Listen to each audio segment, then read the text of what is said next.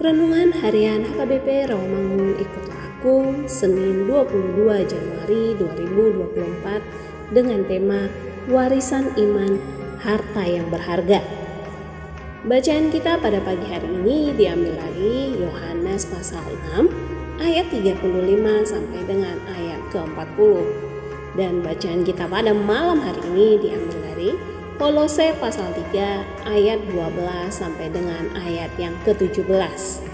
Dan firman Tuhan untuk kita hari ini diambil dari 2 Timotius pasal 1 ayat 14 demikian firman Tuhan.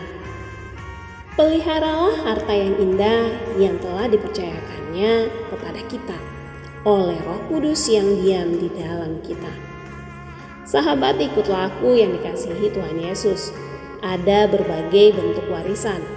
Ada warisan yang berbentuk kebendaan seperti rumah, tanah, harta, deposito. Ada pula warisan yang tidak terlihat seperti ilmu pengetahuan, pendidikan budi pekerti, dan teladan hidup. Nats kita hari ini, Rasul Paulus membicarakan warisan jenis yang disebut dengan warisan iman. Iman itu tidak terlihat, namun dampaknya terlihat dalam hidup seseorang. Iman mencelikkan mata kita sehingga menyadari bahwa keselamatan dan panggilan kita itu bukan berdasarkan perbuatan kita, melainkan berdasarkan maksud dan kasih karunia-Nya sendiri yang telah dikaruniakan kepada kita dalam Kristus Yesus sebelum permulaan zaman.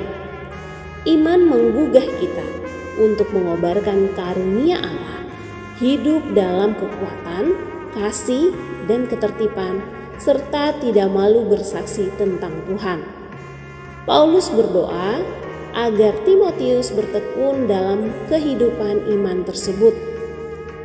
Iman dan dampaknya dalam hidup sehari-hari itu merupakan karunia dan karya Roh Kudus.